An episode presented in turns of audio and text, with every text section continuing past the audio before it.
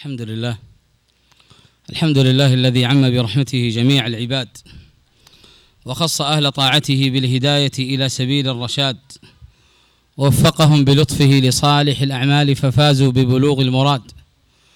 أحمده حمد معترف بجزيل الإرفاد وأعوذ به من وبيل الطرد والإبعاد. وأشهد أن لا إله إلا الله وحده لا شريك له شهادة أدخرها ليوم المعاد. وأشهد أن محمدا عبده ورسوله موضح طريق الهدى والسداد قامع الجاحدين من أهل الزيغ والفساد صلى الله تعالى وملائكته عليه وعلى آله الأكرمين الاجواد صلاة نبلغ بها نهاية الأمل والمراد. أما بعد أيها المؤمنون اتقوا الله حق التقوى وراقبوه في السر والنجوى. فمن اتقى الله وقاه ونجاه وجعل الجنة مأواه. اسمع للآيات العظيمة في التقوى من شيخنا المبارك من قوله تعالى إن للمتقين مفازا. فبماذا وعد الله سبحانه وتعالى المتقين؟ جعلنا الله وإياكم منهم. فلنتدبر هذه الآيات جيدا ولنتأملها ولنتبصر ما فيها من الفوائد العظيمة. لأن الله سبحانه وتعالى أنزل القرآن لكي نتدبره ولكي نتأمله ولكي نعمل به. قال سبحانه أفلا يتدبرون القرآن أم على قلوب أقفالها ومع الآيات. أعوذ بالله من الشيطان الرجيم. إن للمتقين مفازا حدائق وأعنابا وكواعب أترابا وكأسا دهاقا لا يسمعون فيها لغوا ولا كذابا جزاء من ربك عطاء حسابا. رب السماوات والأرض وما بينهما الرحمن لا يملكون منه خطابا. يوم يقوم الروح والملائكة صفا لا يتكلمون لا يتكلمون إلا من أذن له الرحمن وقال صوابا. ذلك اليوم الحق فمن شاء اتخذ إلى ربه مآبا. إنا أنذرناكم عذابا قريبا. يوم ينظر المرء ما قدمت يداه ويقول الكافر يا ليتني كنت ترابا. أحبتي في الله أيها الإخوة والأخوات إن الإيمان هو مسؤولية كل إنسان وهو قضية مصيرية حياة أو لا حياة. سعادة أو شقاء جنة أو نار. الإنسان بغير دين ولا إيمان ريشة في مهب الريح. لا يستقر على حال ولا يسكن إلى قرار. اسمع واسمعي واسمعوا جميعا ما قاله النبي صلى الله عليه وسلم في الحديث الذي رواه الطبراني في الكبير بسند جيد ورواه الألباني في السلسلة الصحيحة. قال رسول الله صلى الله عليه وسلم إن الإيمان ليخلق في جوف أحدكم كما يخلق الثوب. فاسألوا الله فاسألوا الله أن يجدد الإيمان في قلوبكم. فنسأل الله أن يجدد الإيمان في قلبي وقلوبكم جميعا. وقد كان عمر بن الخطاب رضي الله عنه يقول لأصحابه هلموا نزدد إيمانا. وكان عبد الله بن مسعود رضي الله عنه يقول اجلسوا بنا نزدد إيمانا. أرأيتم إخواني وأخواتي في الله كيف كان سلفنا الصالح يتعاهدون الإيمان في قلوبهم وما الفرق بيننا وبينهم؟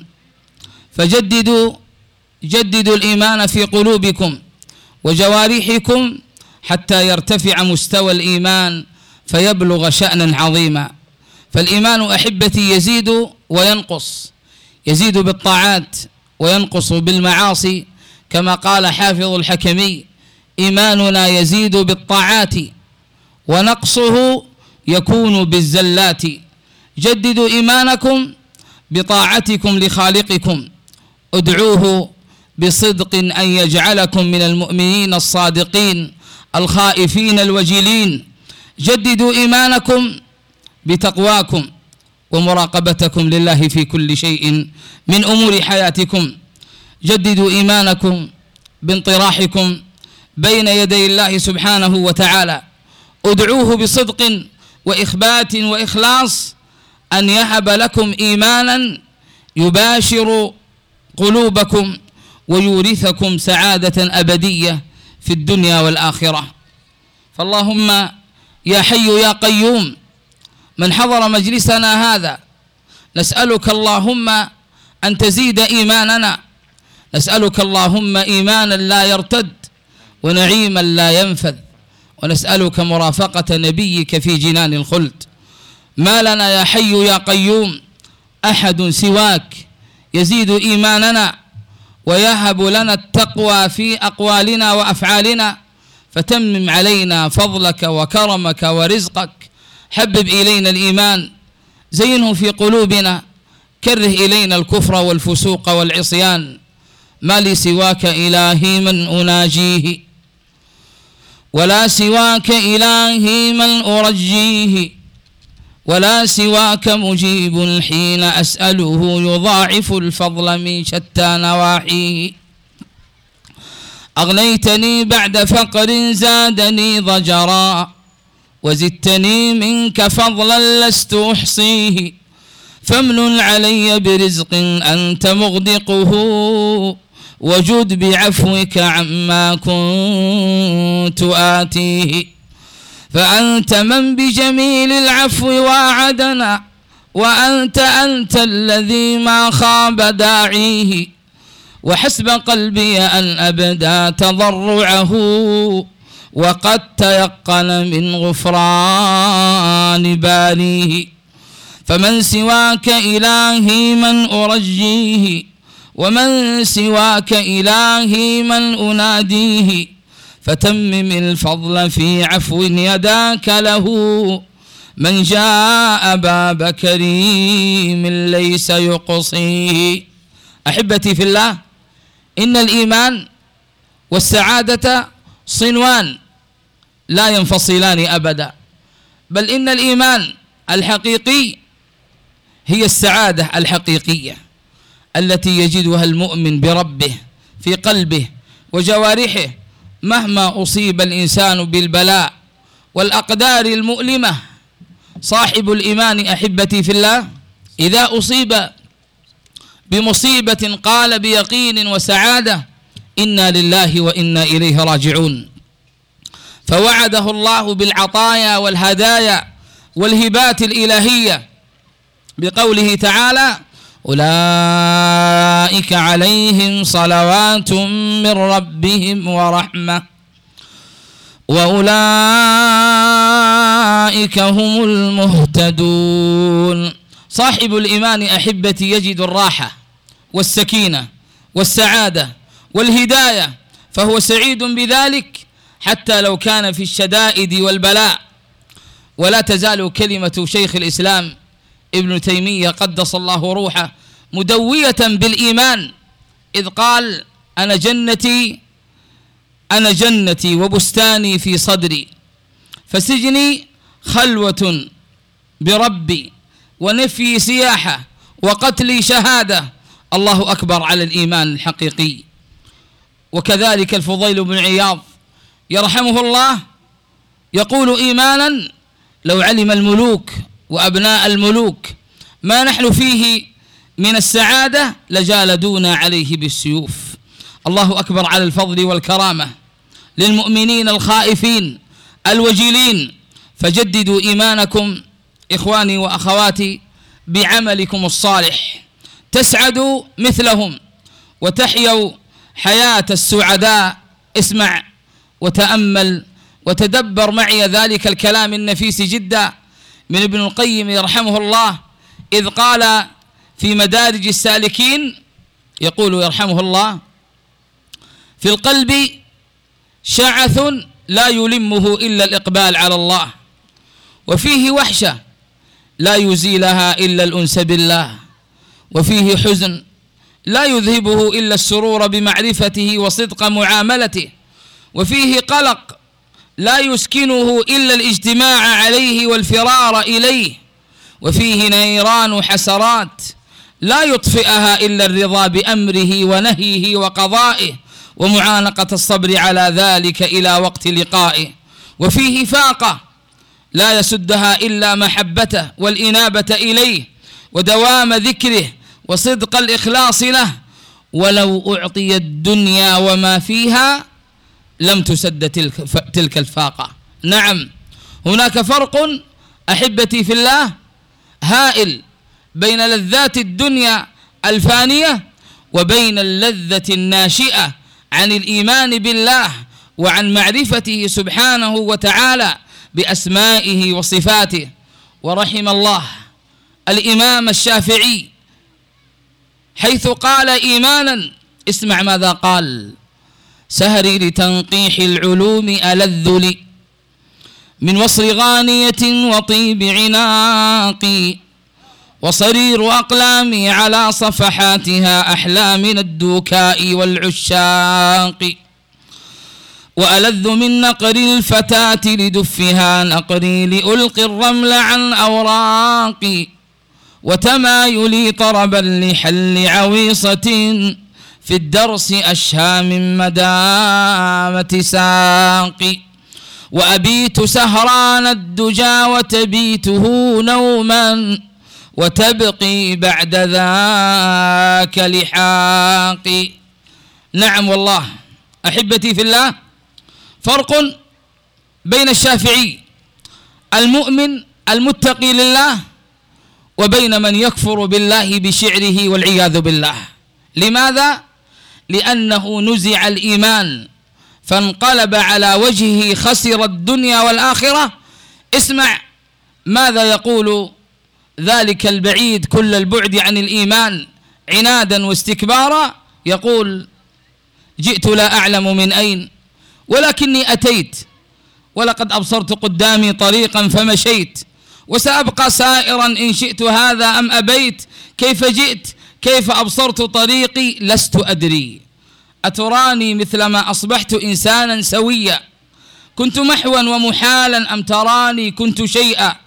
ألهذا اللغز حل أم سيبقى أبديا لست أدري ولماذا لست أدري لست أدري. أعوذ بالله. من جهد البلاء ودرك الشقاء وسوء القضاء. أهذا إيمان؟ لا والله. بل هو جحود وعناد واستكبار وخذلان. فأين الإيمان أحبتي في قلوبنا حتى نجدده؟ لماذا تغير الإيمان في قلوب كثير من الناس اليوم؟ أهم الأعداء؟ أم الغزو الفكري؟ أم العولمة؟ أم شهوات الدنيا الفانية والعياذ بالله؟ أيها المؤمن ماذا غيرك؟ أنت للمجد وهذا المجد لك. كيف تغفو أيها المؤمن؟ هل هيأ الأعداء في الدرب الشرك؟ أيها المؤمن هل لا قلت لي أي ذنب بالمخازي ضيعك؟ أيها السادر في لذاته هل ترى عيش المعاصي أعجبك؟ أمتي قد علقت فيك المنى فاستفق وانهض وغادر مضجعك. عد إلى الرحمن في طهر تجد مركب النصر إلى العليا معك. أيها الأحبة في زماننا أصبح الإيمان مجرد ثقافة ذهنية ومعلومات جامدة لا تضيء للقلب نورا ولا تهذب في النفس خلقا وعملا. لا تحبس عن معصية ولا تثمر طاعة بل تعمق الانحراف حين فرغ الأعداء سمومهم وروجوا أفكارهم فأصبح أحدنا يقول إن الإيمان في القلب وكفى أولئك الذين اتخذوا دينهم لعبا ولهوا. ليس والله أحبتي في الله إخواني وأخواتي الإيمان في القلب وكفى لا بل الإيمان في الجوارح كذلك. ووالله ثم والله لو كان الإيمان في القلب وكفى لحجبك عن معصية الله. لو كان الإيمان في القلب وكفى لكف بصرك عن الحرام وسمعك عن الحرام ولسانك عن التكلم بالغيبة والبهتان. أيها الأحبة إن الإيمان كما يقول أهل السنة والجماعة بذلك قول وعمل واعتقاد. فلا إيمان بدون تصديق قلبي. وانقياد إرادي لا إيمان بدون خضوع واستجابة وطاعة لحكم الله مع الرضا والتسليم له سبحانه وتعالى. اسمع وتأمل وتدبر معي هذه الآية التي من عمل بها نال الإيمان. يقول الله سبحانه وتعالى فلا وربك لا يؤمنون فلا وربك لا يؤمنون حتى يحكموك فيما شجر بينهم ثم لا يجدوا في أنفسهم حرجا مما قضيت ويسلموا تسليما. نفى الله أحبتي الإيمان عنهم لأنهم لم يحكموا شرع الله في أمور حياتهم. مفهوم المخالفة؟ أنهم يكونون مؤمنين صادقين إذا حكموا شرع الله في كل شيء. فلا بد أحبتي أن يظهر الإيمان على الجوارح. لا بد أن يظهر الإيمان على الأقوال والأفعال وسائر الأحوال. لا بد أن يظهر الإيمان في البيت في الشارع في المدرسة. لا بد أن يظهر الإيمان في أفراحنا في أعراسنا في أحزاننا في أتراحنا لا بد أن يظهر الإيمان في كل شيء من أمور حياتنا. اسمع وتأمل وتدبر معي يا رعاك الله ويا أختي المؤمنة حتى نكون جميعا من المؤمنين. جعلني الله وإياكم منهم.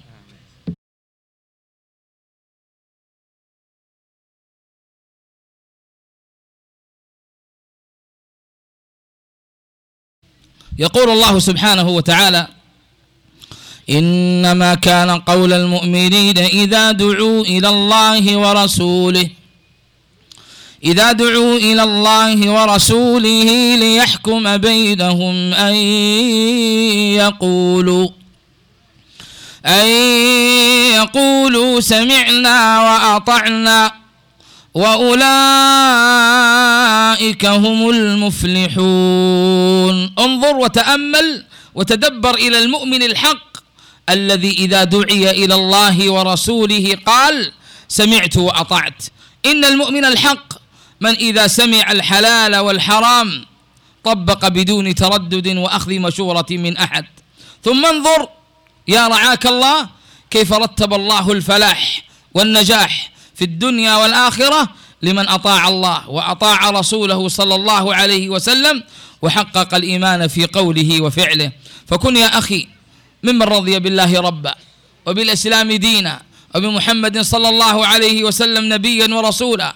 كن دائما مطمئنا كن دائما خاشعا كن دائما مستكينا كن برا تقيا مؤمنا كن دائما أخي وأختي راض بما قسم الله لك من العيش. يزداد إيمانك ويتجدد وتحلو حياتك وتفوز برضوان الله. إنه الفوز الحقيقي نعم إنه الفوز بفضل الله وكرمه عليك يا عبد الله ويا أمة الله. إنه الفوز برضوانه وبرحمته. إنه الفوز وأي فوز؟ إنه الفوز بالنعيم المقيم. في جنات النعيم لمن حقق الإيمان وظهرت آثار الإيمان على جوارحه وأقواله وأفعاله. واسمع لما ماذا قال الشاعر في ذلك. قال إيمانا ورضا بما قسم الله نفس التي تسع الدنيا وما فيها إلا رضاك إلهي ليس يرضيها. رضاك ربي هو اطمئنانها أبدا وليس إلا به تحلو أمانيها. قد جربت كل ما في العيش من نعم فما رأته عن الإيمان يغنيها. يكدر الخوف لذات الحياة وكم تصفو إذا آثرت إرضاء باريها.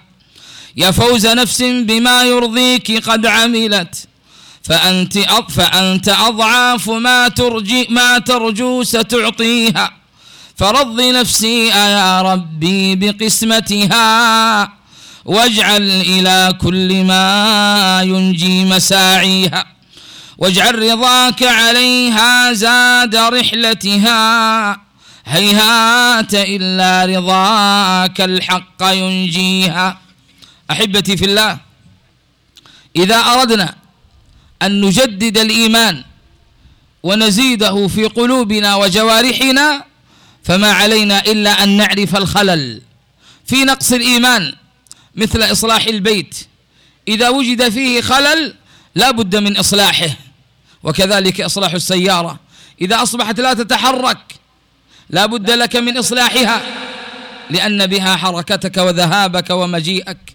فكذلك الإيمان وهو أهم وأعظم إذا نقص وأحس الإنسان بهم وغم وحزن وفتور في عبادته وطاعته لمولاه لا بد له أن يجدد الإيمان ليعود ذاك النور ولتعود الراحة والسعادة والطمأنينة إليه.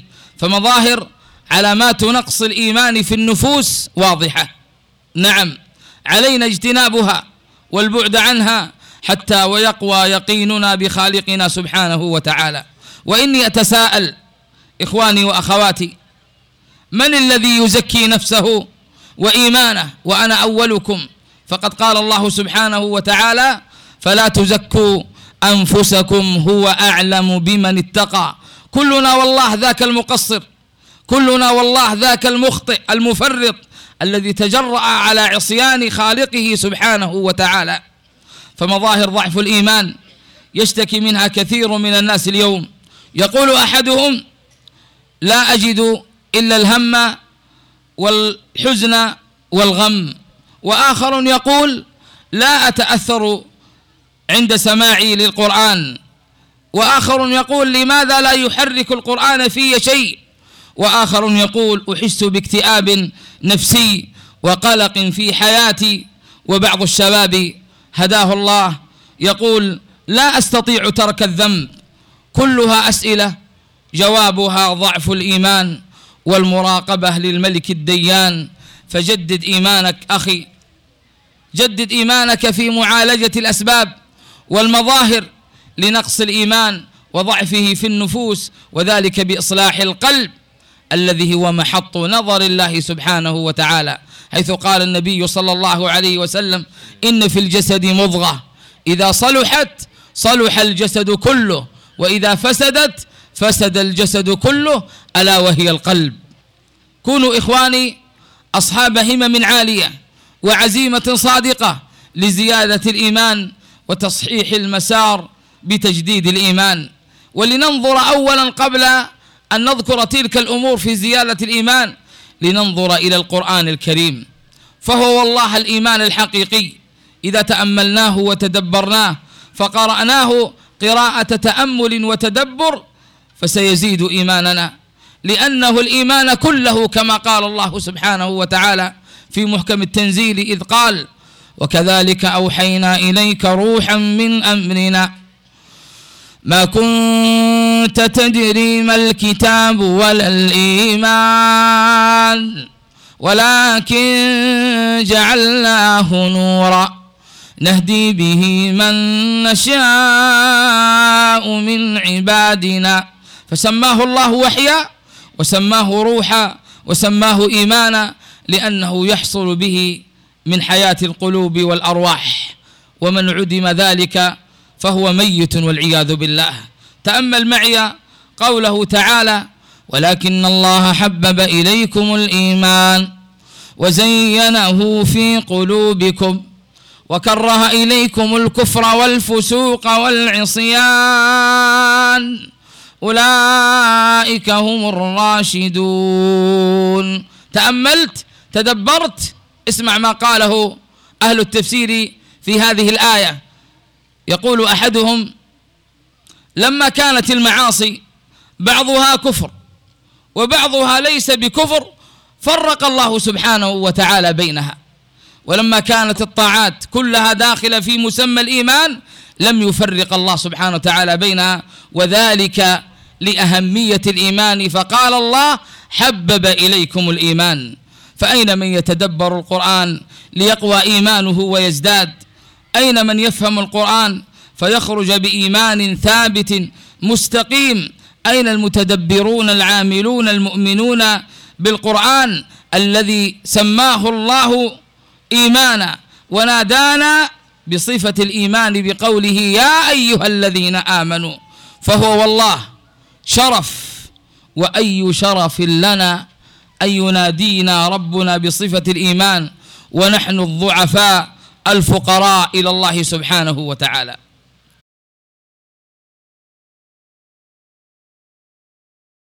فلا شيء أحبتي لا شيء يعدل إيماننا بقرآن ربنا. لا شيء يعدل إيماني بقرآني. فالله أحيا به الدنيا وأحياني. آياته كلما في مسمع سكبت يزداد قلبي بها صحوا ووجداني. والدمع يهمي ويهمي كلما تليت كأنما ترفد العينين عينان. والروح أحسبها طافت بعالمها والفكر حلق بي في العالم الثاني. آياته جل رب العرش مبدعها. قد أعجزت كل إنس جني وإنسان. لله كم أبدلت يأسي فصار بها. بأسا سموت به عن كل أحزان. عبد أنا وهو رب لا شريك له. عبد أنا وهو رب لا شريك له. هو الغني وإني المجهد الواني أحتاج كل ثواني العمر رحمته. لولاه ما كنت لولاه أنا الفاني. فكيف لا أتباهى حين أسمعه؟ بما أحب من الألقاب ناداني.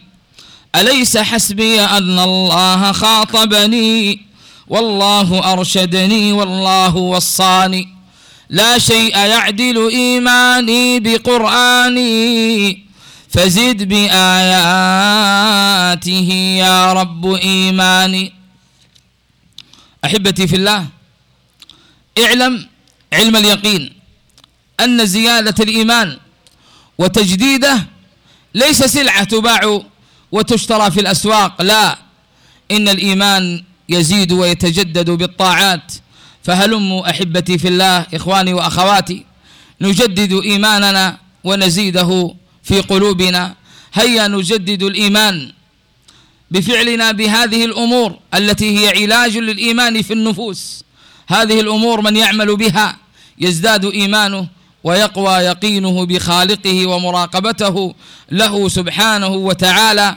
أولها استشعار عظمة الله تعالى بمعرفة أسمائه وصفاته والتدبر فيها وعقل معانيها والعمل بالجوارح بها تعظيما لأسمائه وصفاته سبحانه وتعالى. واسمع وتأمل وتدبر تلك الآيات التي ستتلى عليكم من فضيلة الشيخ عبد الله الأركاني في عظمة الرب سبحانه وتعالى بأسمائه ومظاهر قدرته في الكون.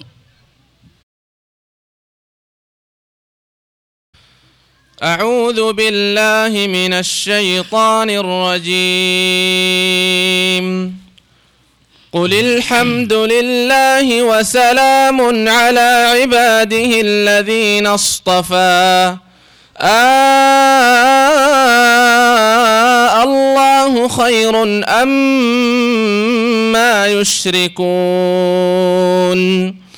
أمن خلق السماوات والأرض وأنزل لكم من السماء ماء فأنبتنا فأنبتنا به حدائق ذات بهجة. ما كان لكم أن تنبتوا شجرها أإله مع الله؟ بل هم قوم يعدلون. أمن جعل الأرض قرارا وجعل خلالها أنهارا وجعل لها رواسي. وجعل لها رواسي وجعل بين البحرين حاجزا. أإله مع الله بل أكثرهم لا يعلمون. أمن يجيب المضطر إذا دعاه ويكشف السوء ويجعلكم خلفاء الأرض. أإله مع الله. قليلا ما تذكرون. أمن يهديكم في ظلمات البر والبحر ومن يرسل الرياح بشرا بين يدي رحمته. أإله مع الله؟ تعالى الله عما يشركون. أمن يبدأ الخلق ثم يعيده ومن يرزقكم من السماء والأرض أإله مع الله؟ قل هاتوا برهانكم إن كنتم صادقين. قل لا يعلم من في السماوات والأرض الغيب إلا الله وما يشعرون أيان يبعثون بل ادارك علمهم في الآخرة بل هم في شك منها بل هم منها عمون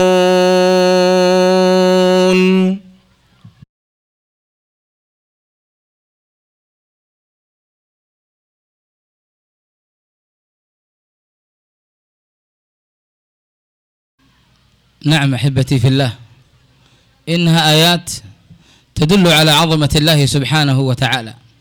فهل استشعرتم معي عظمة الله ومظاهر قدرته في الكون. فقد قال رسول الله صلى الله عليه وسلم من خلال هذه الآيات إن لله تسعة وتسعين اسما من أحصاها دخل الجنة. فما معنى من أحصاها؟ هل معنى ذلك من حفظها فقط؟ لا بل من حفظها وفهم معانيها واعتقدها وتعبد لله بها كان جزاء من الله أن يدخله الجنة. والجنة أحبتي غالية الثمن لا يدخلها إلا المؤمنون الصادقون العاملون المراقبون لله. فعلم من ذلك أحبتي أن حصول الإيمان وتجديده وزيادته وقوته وثباته يكون بمعرفة الأسماء الحسنى التي هي أصل الإيمان. فكلما ازداد العبد معرفة بأسماء الله وصفاته والعمل بها ازداد إيمانه وقوي يقينه بخالقه وطمأنينته في كل الأحوال. والنصوص على ذلك كثيرة كما سمعتم إذا تأملها المسلم ارتجف قلبه وتواضعت نفسه للعلي العظيم. كيف لا نخضع؟ وكيف لا تخضع تلك النفوس وتلين وتزداد إيمانا بالله؟ وهو العظيم المهيمن الجبار المتكبر. كيف لا تخضع لله سبحانه وتعالى؟ وهو سبحانه وسع علمه كل شيء يعلم خائنة الأعين وما تخفي الصدور. قال الله عن نفسه وعنده مفاتح الغيب لا يعلمها إلا هو ويعلم ما في البر والبحر وما تسقط من ورقة إلا يعلمها ولا حبة في ظلمات الأرض ولا رطب ولا يابس إلا في كتاب مبين فالله سبحانه وتعالى حجابه النور لو كشفه لأحرقت سبحات وجهه ما انتهى إليه من بصره ما انتهى إليه بصره من خلقه رواه مسلم. ومن عظمة الله ما أخبر الله به عن نفسه بقوله وما قدر الله حق قدره. والأرض جميعا قبضته يوم القيامة والسماوات مطويات بيمينه. سبحانه وتعالى عما يشركون. هل بعد هذه النصوص إخواني وأخواتي نتوجه إلى غير الله؟ هل بعد هذه النصوص نعصي الله سبحانه وتعالى؟ ألم يئن ألم يئن أن تؤمن قلوبنا بربنا وخالقنا وتتجدد بهذا الإيمان وبتلك النصوص ونعمل بها؟ قال الشاعر رباه لا رب لنا إلاك كلا ولا عز بغير رضاك. أبدعت كل الكائنات وزدتها فضلا وأعطيت الجميع هداك. أودعت سرك في بدائع ما نرى فحكى لنا عما أحبته يداك. ما ذرة في الكون إلا شاهد لك بالكمال وقلبها ناجاك لك حكمة في كل ما أوجدته علمتها لمن اهتدى لعلاك أطلقت للإنسان فيها عقله ومنحته علما غزا الأفلاك يسرت أسباب الحياة وزدتنا يسرا وكنت لكل ما من ناداك. أنت القدير وما سواك مهيمن إلاك ليس مهيمن إلاك بك سوف ندرك ما نشاء ونرتجي. لما إليك نوجه الإدراك. فأدم على قومي رضاك وردهم. لهداك يا من لا إله سواك. أحبتي في الله عجيب أمرك أيها الإنسان. خلقت من ماء مهين وأراك تتكبر على أوامر الله تعالى ونواهيه. عجيب أمرك أيها الإنسان تفعل المحرمات والموبقات. وليس عندك خوف من الله تعالى ومراقبة له بأنه يراك. إن عظمة الله أحبتي لو تمكنت في قلب المسلم الصادق لارتجف قلبه ولانقلب إلى شخص آخر فلا داعي للتجبر لا داعي للتكبر على أوامر الله ونواهيه لا داعي لاتباع الهوى فالهوى مهلك لك أيها الإنسان على لسان الحبيب صلى الله عليه وسلم. وإني أتساءل إخواني وأخواتي فأقول محبة لكم وحرصا عليكم. هل الذي يأكل الربا والحرام مستشعرا لعظمة الله؟ هل الذي يحمل الغل والحقد والبغضاء والضغينة في قلبه لإخوانه مستشعرا لعظمة الله؟ هل الذي لا يصلي الصلوات المفروضة بل ربما لا يصلي إلا يوم الجمعة فقط مستشعرا لعظمة الله؟ هل الذي يسمع الحرام وينظر إلى الحرام ويمشي إلى الحرام مستشعرا لعظمة الله. هل الذي قطع أرحامه وأقاربه وعق أباه وأمه مستشعرا لعظمة الله؟ هل الذي ضيع أوقاته فيما لا يزيده إلا تعاسة وبعدا مستشعرا لعظمة الله؟ أجيبوا رحمني الله وإياكم والجواب عندكم. ومن الأمور على زيادة الإيمان وتجديده في النفوس تعظيم حرمات الله. قال الله سبحانه ومن يعظم حرمات الله فهو خير له عند ربه. ومن التعظيم عدم احتقار الصغائر مهما كانت. فيوجد أناس والعياذ بالله يحتقرون الصغائر. فقد روى عبد الله ابن مسعود رضي الله عنه أن رسول الله صلى الله عليه وسلم قال إياكم ومحقرات الذنوب. فإنهن يجتمعن على الرجل حتى يهلكنه وإن رسول الله صلى الله عليه وسلم ضرب لهن مثلا كمثل قوم نزلوا أرض فلاة فحضر صنيع القوم فجعل الرجل ينطلق فيجيء بالعود والرجل يجيء بالعود حتى جمعوا سوادا فأججوا نارا وأنضجوا ما قذفوا فيها. رواه الإمام أحمد وذكره الشيخ الألباني رحمه الله في سلسلة الصحيحة. يقول ابن الجوزي تعليقا في صيد الخاطر على هذا يقول يرحمه الله كثير من الناس يتسامحون في أمور يظنونها هينة وهي تقدح في الأصول مثل إطلاق البصر مثلا في المحرمات. عباد الله إن الإيمان حين يبلغ مداه ويشرق سناه ويخط في أعماق التقوى مجراه يكون لصاحبه الأمن والاهتداء يكون له الإخلاص في قوله وفعله ويكون بإذن الله من أهل الجنة الذين لا خوف عليهم ولا هم يحزنون وينجيه الله سبحانه وتعالى من النار لأنه من الذين استقاموا على أمر الله وأمر الرسول صلى الله عليه وسلم. واسمع لهذه الآيات في الاستقامة في قوله إن الذين قالوا ربنا الله ثم استقاموا.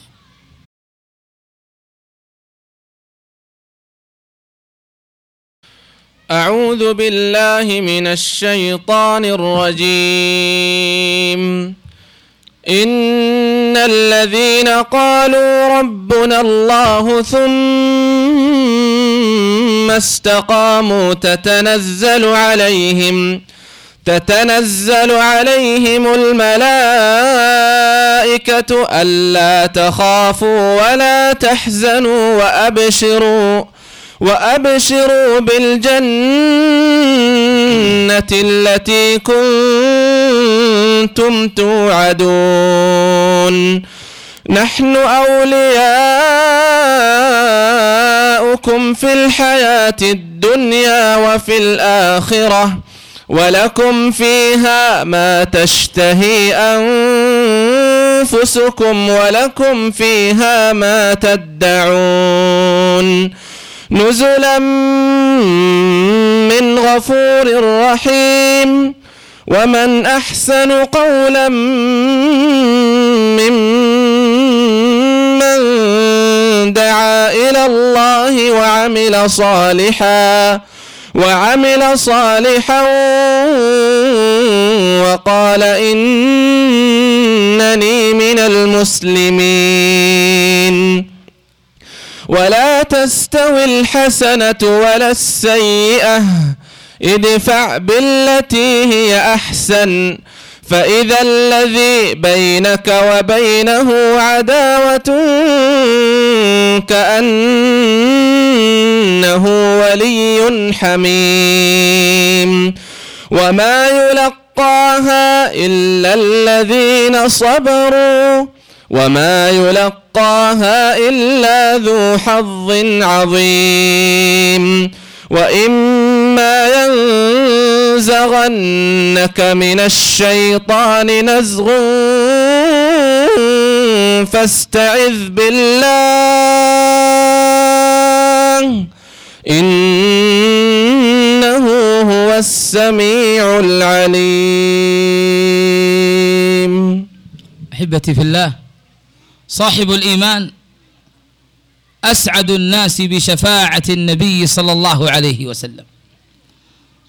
قال صلى الله عليه وسلم في الحديث الذي رواه البخاري أسعد الناس بشفاعتي يوم القيامة. من قال لا إله إلا الله خالصا من قلبه أو نفسه.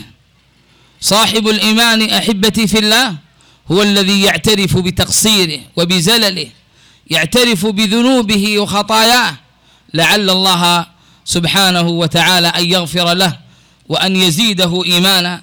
فهيا أحبتي هيا نزيد الإيمان في القلوب ونجدده في قلوبنا هيا نتوجه إلى الله بضعفنا وافتقارنا إليه بأن يتوب علينا ويغفر لنا ويهب لنا الرحمة والمغفرة منه سبحانه وتعالى. واسمع ماذا قال الشاعر شعرا وإيمانا وتوجها وصدقا لله سبحانه يقول إلهي أتيت بضعفي إليك وكونك ربي شفيعي لديك عليك اعتمادي أيا خالقي وحسبي أن اعتمادي عليك. حملت إليك ذنوب الهوى وألقيت حملي بين يديك وما شك قلبي بعفوك ربي فقلبي يا رب في أصبعيك وأنت الكريم فزده تقى وزده إلهي مما لديك. يسائلني الناس في حيرة أما تستحي من جنا أصغريك ملأت الحياة غناء ولهوا ولم يعبر الرشد في مقلتيك. وأملت عفوك يا فاطني فأحسست روحي طارت إليك. فناديت يا قلب لا تبتئس فإن تبت تاب الإله عليك. أحبتي في الله من الأمور لتجديد الإيمان وزيادته في القلوب تدبر القرآن العظيم الذي أنزله الله سبحانه وتعالى بيانا شافيا لكل شيء فهو النور المبين والصراط المستقيم وهو الذي لا تزيغ به الأهواء ولا تلتبس به الألسن ولا يخلق عن كثرة الرد وهو الشفاء والرحمة للمؤمنين. قال الله أفلا يتدبرون القرآن أم على قلوب أقفالها؟ وقال سبحانه أفلا يتدبرون القرآن ولو كان من عند غير الله لوجدوا فيه اختلافا كثيرا. قام النبي صلى الله عليه وسلم مع اصطفائه واجتبائه من ربه بآية يرددها ترد تدبرا وإيمانا بخالقه وهو قائم بالليل يصلي. لم يجاوزها حتى أصبح صلى الله عليه وسلم. ويقوله تعالى إن تعذبهم فإنهم عبادك وإن تغفر لهم فإنك أنت العزيز الحكيم. وكذلك أحبتي كان ديدن الصحابة رضوان الله عليهم مع القرآن اقتداء بنبيهم صلى الله عليه وسلم. وكذلك سلفنا الصالح والتابعين ومن تبعهم بإحسان إلى يوم الدين جعلنا الله وإياكم منهم. عباد الله أحبتي في الله هل القرآن الذي نقرأه ونسمعه زاد إيماننا؟ هل طبقنا حلاله وحرامه أم لا؟ هل نحن من الناس الذين اشتروا لهو الحديث عن القرآن؟ هل انطبقت فينا هذه الآية أم لا؟ إنما المؤمنون الذين إذا ذكر الله وجلت قلوبهم وإذا تليت عليهم آياته زادتهم إيمانا وعلى ربهم يتوكلون. نسأل الله أن يجعلنا من أهل القرآن الذين هم أهله وخاصته. إنه ولي ذلك والقادر عليه. ومن الأمور على زيادة الإيمان وتجديده في القلوب الاستجابة لله وللرسول صلى الله عليه وسلم. إذا دعانا للحياة الحقيقية قال الله يا أيها الذين آمنوا استجيبوا لله وللرسول إذا دعاكم لما يحييكم. واعلموا أن الله يحول بين المرء وقلبه وأنه إليه تحشرون. تدبر معي الآية جيدة. ففي الآية بشرى وعقوبة. فالبشرى هي زيادة الإيمان. من الملك الديان. والعقوبة إن لم نستجب لله وللرسول بالإكثار من الطاعات والقربات فإن هناك شيء سيحول بينك وبين ما تريد من الأماني ومن الشهوات والمعاصي والموبقات بل يكون قلبك والعياذ بالله مربادا كالكوز مجخيا عليه الران كلا بران على قلوبهم ما كانوا يكسبون. إذا هيا أحبتي نستجب. هيا نستجب من هذه الليلة لله وللرسول صلى الله عليه وسلم. هيا نكثر من الأعمال الصالحة.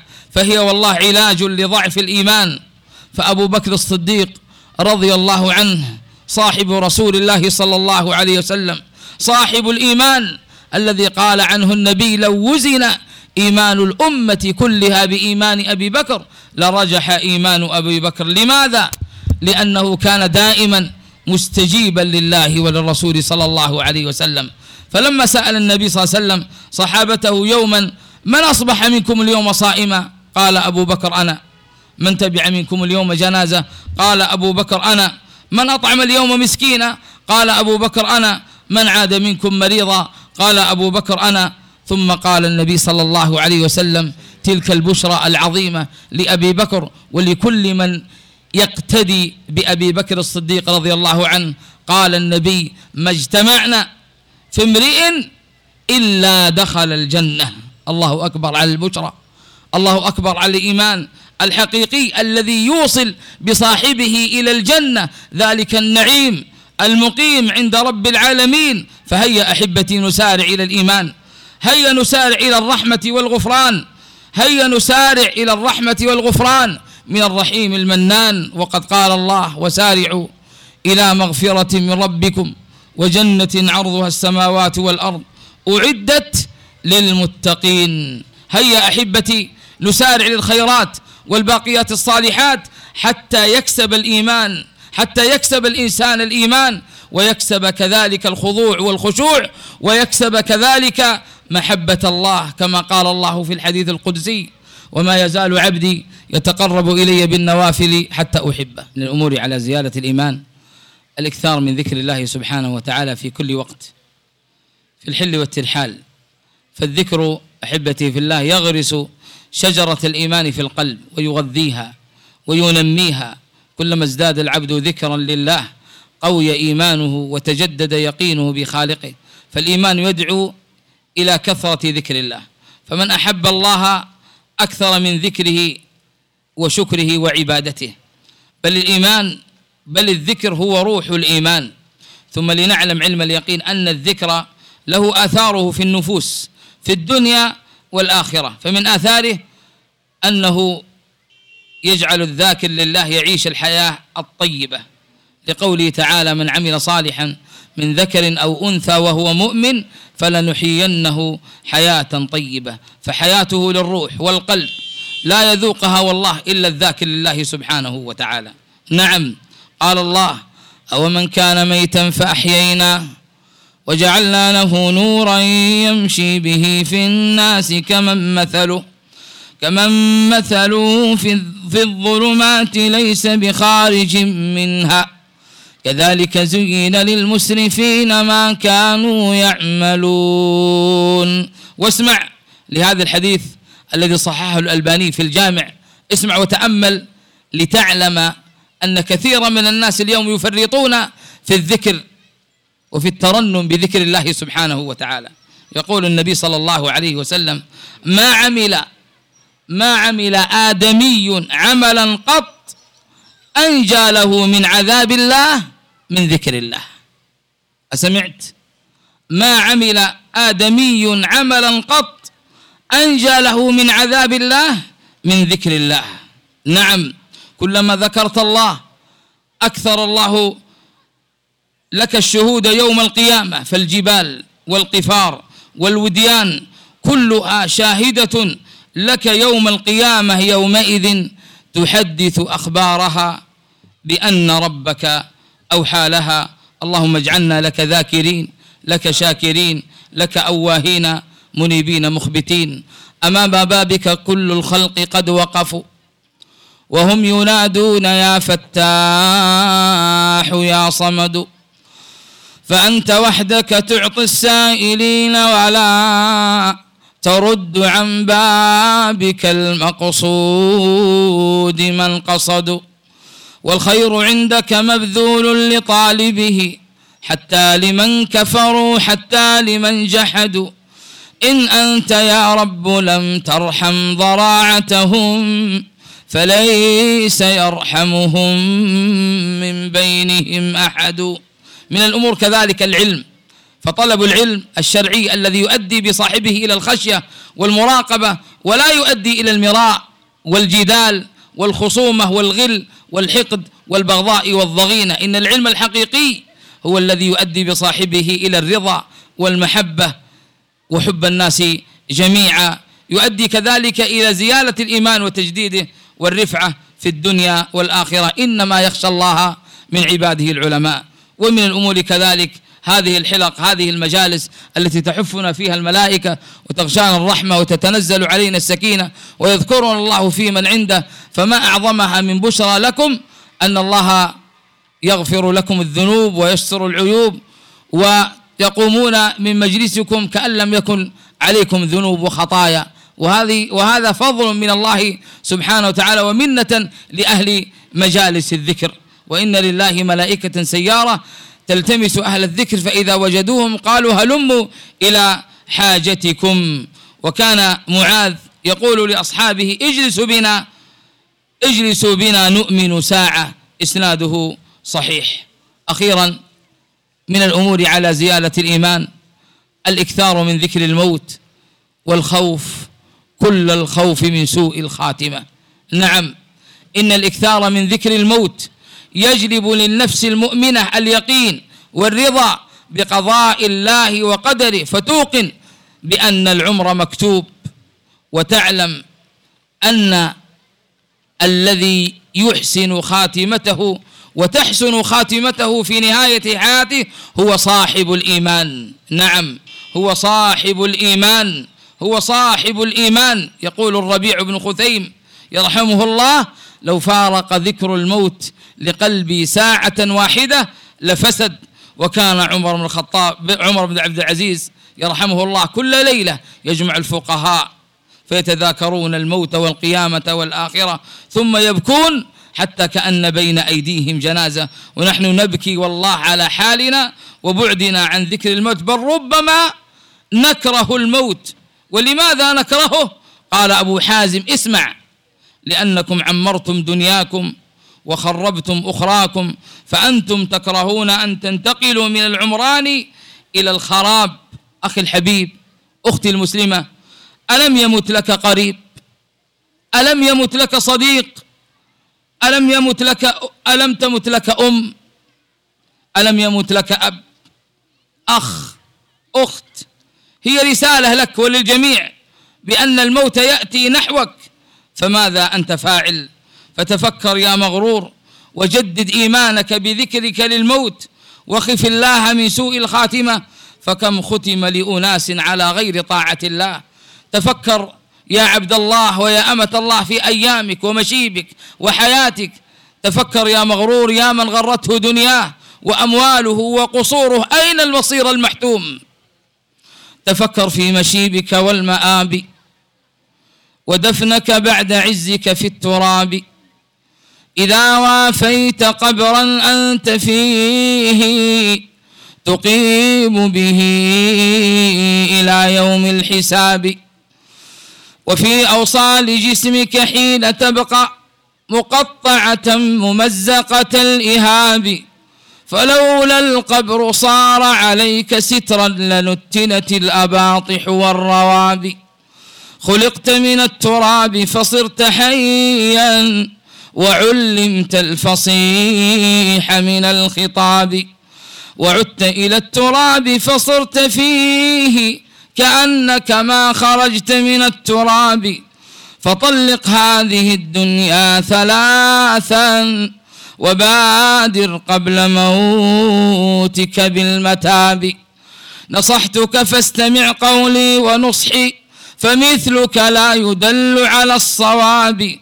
خلقنا للممات ولو تركنا لضاق بنا الفسيح من الرحاب.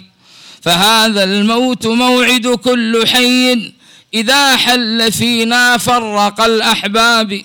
فهيا يا أخي ندعو كريما ليغفر ما مضى عند الحساب. هيا أحبتي نتب إلى الله.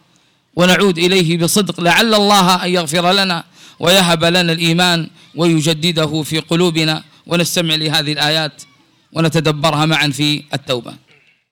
أعوذ بالله من الشيطان الرجيم.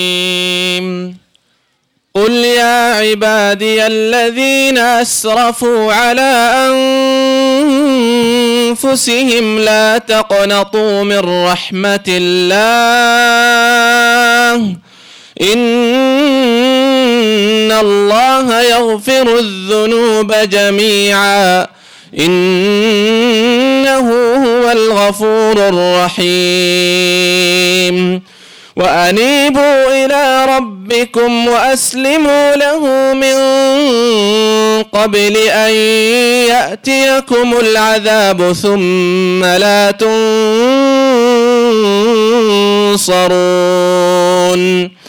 واتبعوا أحسن ما أنزل إليكم من ربكم من قبل أن يأتيكم العذاب.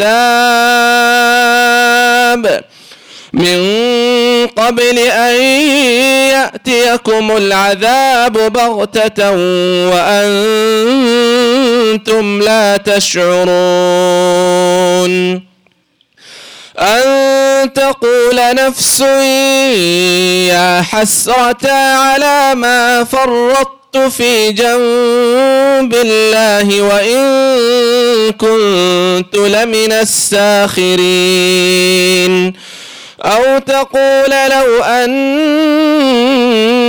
الله هداني لكنت من المتقين.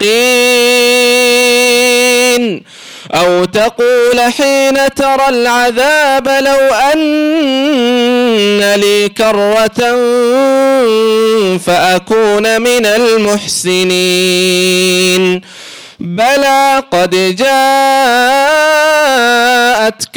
آياتي فكذبت بها. فكذبت بها واستكبرت وكنت من الكافرين. ويوم القيامة ترى الذين كذبوا على الله وجوههم مسودة. أليس في جهنم مثوى للمتكبرين؟ وينجي الله الذين اتقوا بمفازتهم لا يمسهم السوء ولا هم يحزنون. الله خالق كل شيء. الله خالق كل شيء وهو على كل شيء وكيل. له مقاليد السماوات والأرض والذين كفروا بآيات الله أولئك هم الخاسرون.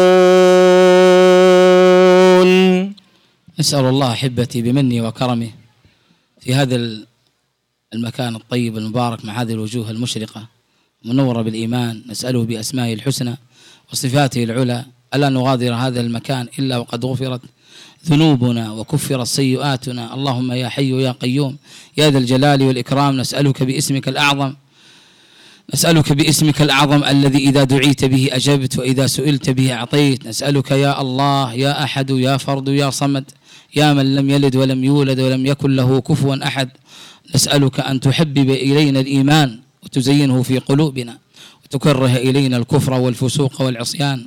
تجعلنا من الراشدين تجعلنا هداة مهتدين غير ضالين ولا مضلين. اللهم وفق القائمين على هذا المخيم خير جزاء واجعل أعمالهم خالصة لوجهك الكريم يا ذا الجلال والإكرام. اللهم فرج هم المهمومين من المسلمين ونفس كرب المكروبين من المسلمين. قض الدين عن المدينين من المسلمين. واشف مرضانا ومرضى المسلمين؟ وارحم موتانا وموتى المسلمين. برحمتك يا أرحم الراحمين. سبحان ربك رب العزة عما يصفون. سلام على المرسلين والحمد لله رب العالمين.